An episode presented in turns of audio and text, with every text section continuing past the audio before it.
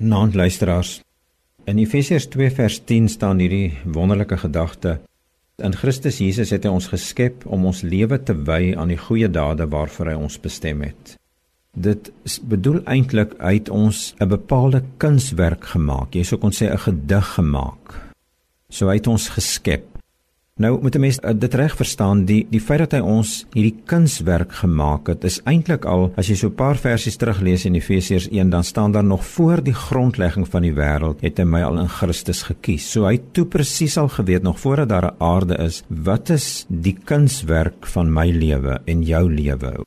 Watter gedig is my lewe en wat wil hy met hierdie gedig oordra? Wat wil hy met hierdie kunswerk vir die wêreld wys? En dis hoe hy dan nou in Christus na ons kyk. Nou kom hy in Christus na ons toe en hy sê hy sien Christus se gehoorsaamheid in ons raak. Hy sien Christus se heiligheid in ons raak. En hy handel met ons volgens Christus se verdienste.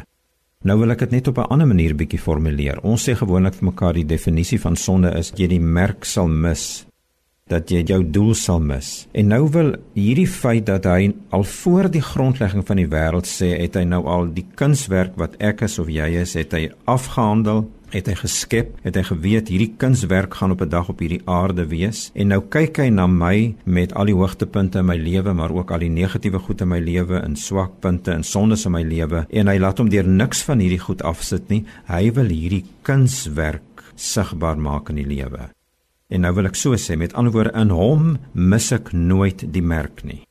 In Christus sien hy my as volmaak. In Christus sien hy hierdie kunswerk soos wat hy daaroor gedroom het. So ek dink hy wil vir ons help om ook aan onsself te begin dink aan 'n kunswerk wat God geskep het, 'n gedig wat hy geskryf het waarmee hy 'n bepaalde boodskap wil oordra. En maak nie saak wat ek doen, positief of negatief nie, ek gaan nie die merk mis nie. Hy gaan die positiewe goed gebruik, dis in elk geval hy wat deur sy genade vir my gestaat gestel het om dit te doen, en hy gaan selfs die negatiewe goed in my lewe gebruik en hy gaan dit ombuig en hy gaan dit positief maak. Hy sal sorg dat dit deel vorm van sy plan sodat dit wat hy met my lewe wou sê, dit wat hy van homself deur my lewe wou wys, hy sal dit waar maak. In hom kan jy nooit die merk mis nie. Hou daaraan vas, geniet dit, vra vir hom om vir jou te help om dit te glo. In hom kan jy nooit die merk mis nie.